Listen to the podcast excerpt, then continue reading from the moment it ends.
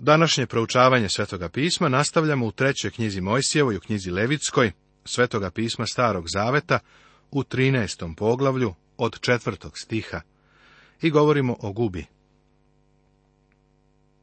Guba i greh odvajaju ljude od Boga. je okrutno to što su gubavci bili odvojeni, ne samo od društva, nego i od svetog mesta. Treba da se setimo da je Bog svet, da je on tvorac pravde i čistote. Prema tome, guba je odgovarajući simbol greha koji odvaja od Boga. Nego bez zakonja vaša rastaviše vas s Bogom vašim, i gresi vaši zakloniše lice njegovo od vas, da ne čuje, kaže prorok Isaija u 59. poglavlju drugom stihu. Prema otkrivenju Jovanovom, 21. i 22. poglavlju, u Novom Jerusalimu, grešnik kome nije oprošteno i koji nije opran, očišćen, odvaja se od prisutnosti Božije. Tako imamo gubu kao savršeni tip greha. To je greh vidljiv na telu. Sveštenik je trebalo da pogleda gubavca i proglasi ga nečistim. Isto tako, veliki lekar gleda ljudski rod i proglašava ga nečistim. On to čini da bismo njemu došli radi očišćenja. On je spreman da dotakne gubavca i da ga očisti. Na početku ovog poglavlja dosta vremena sam posvetio ovoj temi, jer smatram da je važno da se ovdje uvidi analogija i da iz toga izvučemo za sebe veliku duhovnu istinu. Danas se mnogo ne govori o grehu, a ipak je greh naš osnovni problem.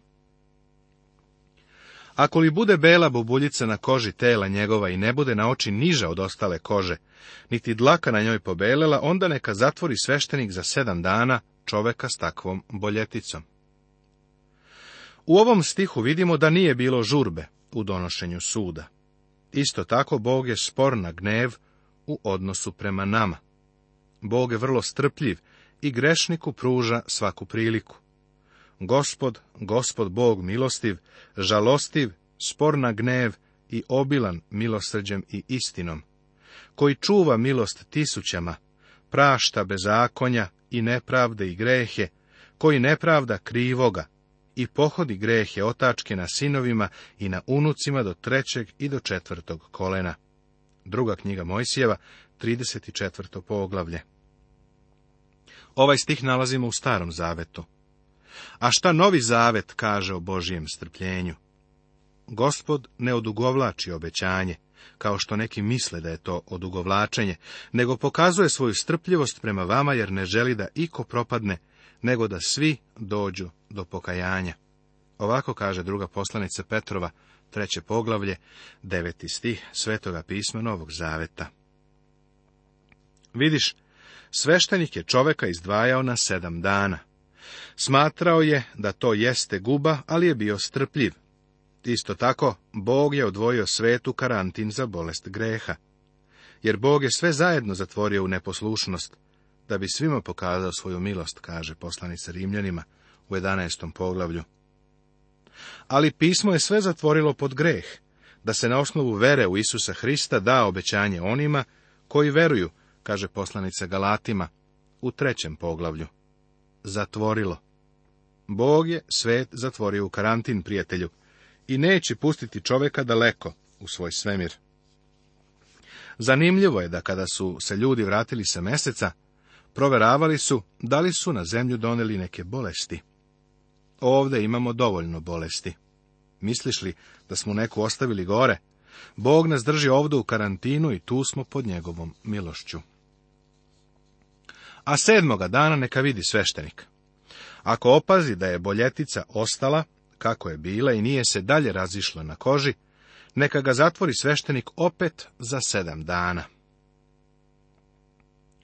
Nakon sedam dana, sveštenik ponovo proverava, pa ako i dalje postoje elementi nesigurnosti, pacijent se ponovo na sedam dana stavlja u karantin. Nije bilo žurbe ni brzopletog suda. Iz ovoga treba da naučimo da ni mi prema drugima ne treba da donosimo brzi ili nepromišljeni sud. Vrlo je ozbiljno lažno optužiti nekoga drugog vernika. Apostol Pavle rekao, ne primaj tužbe protiv prezvitera, sem na izjavu dva ili tri svedoka, kaže prva poslanica Timoteju peto poglavlje 19. stih. Također je upozorio da će u posljednje vrijeme biti i onih koji će lažno optuživati. Kada sam bio pastir, doneo sam pravilo da niko ne može da dođe kod mene i kritikuje crkvenog službenika ukoliko optuženi nije prisutan da sve to čuje. Znaš li koliko sam optužbi čuo u posljednju 21 godinu? Samo jednu. Treba da budemo pažljivi i neka ga sveštenik opet vidi sedmoga dana. Pa ako opazi da se boljetica smanjila i nije se dalje razišla po koži, proglasit će ga sveštenik da je čist. Krasta je. I on neka opere haljine svoje i bit će čist. Ako se promjena na koži ne bi proširila za 14 dana, nego bi nastupilo poboljšanje, očigledno je bilo da nije u pitanju guba, pa bi čovjek bio proglašen čistim. Ovo su čovjeku bile drage reči, pa bi pevao od radosti. Nije bilo potrebe da se odvaja od svojih voljenih, nego je bio čist i mogao je da im se vrati. Sjeti se da je gospod otakao gubavca koji mu je došao i očistio ga je. Šta više, oni duhovnim gubavcima kaže da im se gresi čiste i praštaju. On je lečio fizičke bolesti, da bi pokazao da je spasitelj koji može da oprosti grehe. Seti se, kako su fariseji i pismoznanci pitali, ko može da oprašta grehe sem jedinoga Boga? Zato je Isus prvo rekao paralizovanom čoveku da su mu gresi oprošteni. A onda je kazao, ali da znate da sin čoveči ima vlast na zemlji da oprašta greh. Reče uzetome, tebi govorim, ustani i digni svoju postelju, pa idi svojoj kući važno je uvidjeti da Isus ima vlast da čini i jedno i drugo. Ako li se dalje raširi krasta po koži njegovoj, pošto ga sveštenik vidi i proglasi da je čist, nanovo neka se pokaže svešteniku. Ako vidi sveštenik da se krasta raširila po koži njegovoj, proglasit će sveštenik da je nečist, guba je. Ovo je tamna strana slike neće biti treće provere. Da li Bog čoveku daje drugu šansu? Prijatelju, Bog će čoveku dati hiljadu šansi, samo ako će ih on primiti. I konačno, mora da se donese i presuda. Čovek je proglašen gubavcem. Ovo je strašna presuda. Čovek biva izopšten. Uporedi to sa čovekom koji visi pod osudom gube, očekuje da bude izopšten, a onda biva proglašen čistim. Od toga dana on više ne bi živeo kao gubavac, on je čist i kao čist i živi.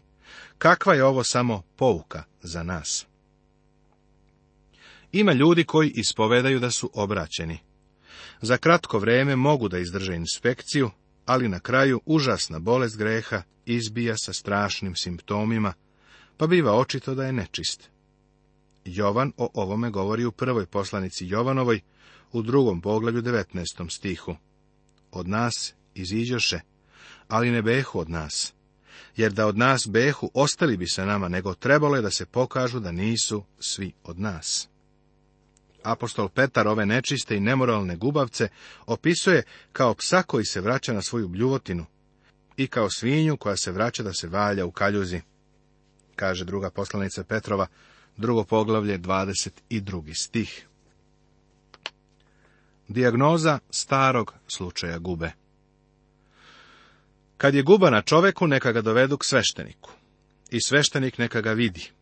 Ako bude bel otok na koži i dlaka bude pobelela, ako bi i zdravo meso bilo na otoku, guba je zastarela na koži tela njegova.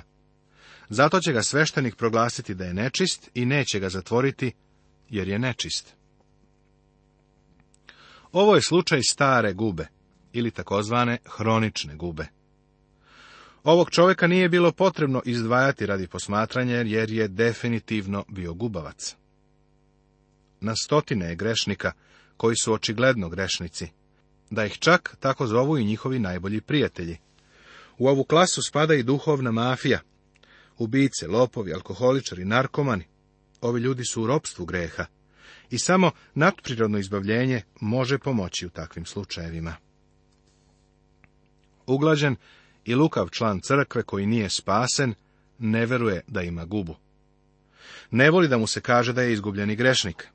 Lakše je dosegnuti okorilo grešnika nego ovakvoga, jer je otvoreniji za poruku evanđelja. On zna da ima gubu. Ako li se guba izaspe po koži i pokrije svu kožu čoveku od glave do pete, gde bi god sveštenik očima pogledao, kad sveštenik vidi da je guba pokrila svu kožu na njemu, proglasit će da je čovek čist, jer je sve pobelelo, pa je čist. Ali ako se pokaže na njemu divlje meso, bit će nečist. Pa kad sveštenik vidi divlje meso, proglasit će ga da je nečist. Ono je divlje meso nečisto, guba je. A kad bi se divlje meso promenilo u pobelelo, neka dođe k svešteniku. I kad vidi sveštenik da je boljetica povelela, sveštenik će proglasiti da je čist. Čist je. Ovaj odeljak pokazuje još jedan aspekt gube. Iako je prekriveno celo telo, i toga ne sledi obavezno da je slučaj beznadežan. Ovde nalazimo na izvanrednu izjevu da ako celo telo pobeli, pacijent se proglašava čistim. Možda je na to Isaija mislio kada je napisao Šta biste još bili bijeni kad se više ne odmećete? Sva je glava bolesna i sve srce iznemoglo. A zatim sledi divni poziv velikog lekara. Tada dođite, veli gospod, pa ćemo se suditi, ako gresi vaši budu kao skerlet, postaće beli kao sneg, ako budu crveni kao crvac, postaće kao vuna. Knjiga proroka Isaije, prvo poglavlje, peti i osamnaesti stih. Svetoga pisma Starog Zaveta. Zapazi da je pravo obeležje i simptom gube divlje meso. Biblija mnogo govori o mesu ili telu, čak i o telu koje se pokazuje kod vernika. Kraj svakom telu dođe predame, kaže prva knjiga Mojsijeva, šesto poglede 12. stih. Duh je ono što oživljava, a telo ništa ne pomaže, kaže Evanđelje po Jovanu šesto poglavlje, 63. stih. Znam naime da u meni, to jest u mome telu, dobro ne obitava. Poslanica Rimljanima, sedmo poglavlje, osamnaesti stih. Da se niko ne pohvali pred Bogom. A ovo, braćo, kažem da meso i krv ne mogu da naslede carstvo Božije, kaže prva poslanica Korinčanima, prvo poglavlje, 29. i 15. 50. stih čineći plotske želje i smeranja, pa kad smo kao i ostali po prirodi bili podložni Božijem gnevu, kaže poslanica Efescima, drugo poglavlje, treći stih. Mi smo naime obrezanje, mi koji duhom Božijim služimo, Hristom Isusom se hvalimo i ne uzdamo se u telo, kaže poslanica Filipljanima, treće poglavlje, treći stih i konačno, a druge spasavajte grabeći ih iz ognja, Prema trećima pak budite milostivi u strahu, mrzeći i haljinu koja od ploti okaljena, kaže poslanica Judina, 23. stih. Iz ovih odeljaka je očigledno da je divlje meso stara priroda koja je na krstu osuđena. Kada se ona pokaže u verniku, Bog mora da je osudi.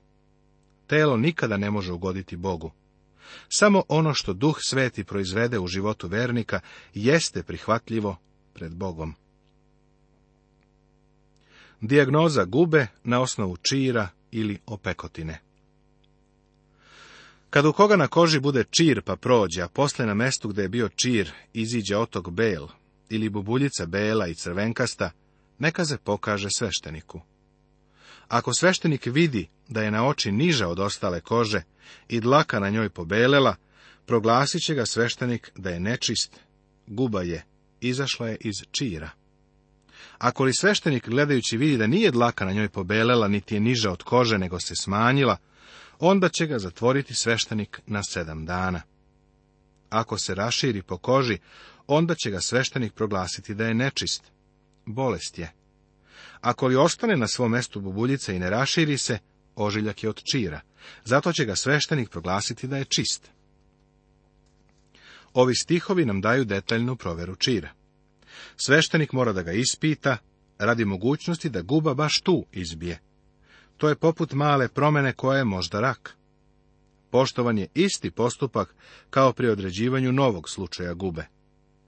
Ako je na čiru bila bela dlaka, pa bi postala niža od kože, ovo je ukazivalo na nevolju. Sedam dana provere je svešteniku omogućavalo da odredi u kom pravcu se čir razvija. Uvek postoji opasnost od širenja staroga greha i njegovog prelaska u malignitet. Često novi obraćenici govore o oslobođenju od neke loše navike, a onda posle izvesnog broja godina ponovo izbije stara rana. To se dešava. Osoba koja je imala takva iskustva, možda je sve to vreme i bila nespasena, a možda je stvarno doživjela spasenje, ali se staro telo pojavljuje pažljiva inspekcija mora da se sprovede i onda da se iznese tačna presuda. Pre nekoliko godina jedan alkoholičar je prihvatio Hrista kao spasitelja. Onda mu je pozlilo, ja sam otišao da ga posetim. Tada sam otkrio da mu u stvari nije ništa. U prostoriji se osjećao alkohol. Počeo je da plače i rekao je da se vratio starom grehu, da je pao. Ponekad se čovjek tako osjeća, da bi jednu takvu osobu stavio preko kolena i nalupao. Ali kakvog bi to dobra donelo? Treba da sprovedemo inspekciju, da postavimo dijagnozu gube. Ali isto tako, čoveku treba da kažemo da za gubu ima leka, ima spasitelja. Ne treba da stojimo i osuđujemo čoveka, da ga grdimo, a onda da se pokupimo i da odemo. To bi i njemu i meni samo donelo neprijatnost. Nikome se ne bi tako pomoglo. Ovom čoveku je bilo potrebno da zna da ima spasitelja koji mu prašta. Spasitelj leči gubu koja ponovo izbija. Ako se ko po koži ožeže ognjem, pa pošto se zaleči, ostane bubuljica bela i crvenkasta ili samo bela, neka ga vidi sveštenik. Ako dlaka na bubuljici bude pobelela i ako na oči bude niža nego koža, guba je, izašla je iz ožegline, zato će ga sveštenik proglasiti da je nečist. Guba je. Ako li sveštenik vidi da na bubuljici nema bele dlake, niti je niža od kože, nego se smanjila, zatvorit će ga za sedam dana. Pa će je sedmoga dana pogledati sveštenik. Ako se bude raširila po koži, tada će ga sveštenik proglasiti da je nečist. Guba je. Ako li bubuljica bude ostala na svom mestu i ne bude se raširila po koži, nego se smanjila, onda je rana od toga što se ožega. Zato će ga sveštenik proglasiti da je čist jer ima ožiljak od ožegline. Ovo opisuje gubu koja izbija iz opekotine. Znači, opekotina nije konačna dijagnoza. Ova opekotina potiče od vrelog predmeta ili predstavlja infekciju praćenu zapaljenjem. U svakom slučaju, postojala je opasnost da se u tome razvije guba. Ovo kao da potvrđuje pismo, koje kaže da telo mora biti pod pažljivom prismotrom i inspekcijom, jer na najalarmantniji način može da izbije. Ljudski govorim zbog slabosti vašeg tela. Kao što ste, naime, nekad dali svoje udove da služe nečistoti i bezakonju, za upražnjavanje bezakonja, tako sada dajte svoje udove da služe pravednosti, na osvećenje. Tako kaže poslanica Rimljanima. Nego mučim svoje telo i potčinjavam ga, da ne bih ja, koji sam drugima propovedao sam, postao nevaljao, kaže apostol Pavle u prvoj poslanici Korinčanima u devetom poglavlju u 27. stihu. Svi ovi odeljci nas uče da pazimo na prisustvo i pojavu bubuljice na telu. Telo ne može ugoditi Bogu. Dijagnoza gube lokalizovane na glavi ili bradi. Ako u čoveka ili žene budu boljetice na glavi ili na bradi, sveštenik neka vidi boljeticu, ako na oči bude niža od ostale kože i na njoj dlaka žućkasta i tanka, sveštenik će proglasiti da je nečist. Ospa je, guba na glavi ili na bradi. Guba je mogla da izbije na najneočekivanijim mestima. Ako bi bila prekrivena kosom ili bradom, jedno vreme se ne bi otkrila. Posebnim posmatranjem bi se utvrđivala guba tih delova tela. Iste tehnike su korišćene ovde, kao i u drugim delovima, da bi se otkrilo prisustvo gube. Žuta dlaka je ukazivala na infekciju koja je bila ispod epiderma i bila je znak gube. Znaš, greh nekada samog sebe nagovesti i tu u crkvi, na sastancima učitelja veronauke ili na nekom odboru ili na sastancima za misiju. On slabi i kvari svedočanstvo celokupnog tela vernika, kada se greh nalazi na glavi. Ponovo da spomenem, moramo biti vrlo pažljivi u prosuđivanju ovih stvari. Za sud je potrebno vreme. Nastavit će se.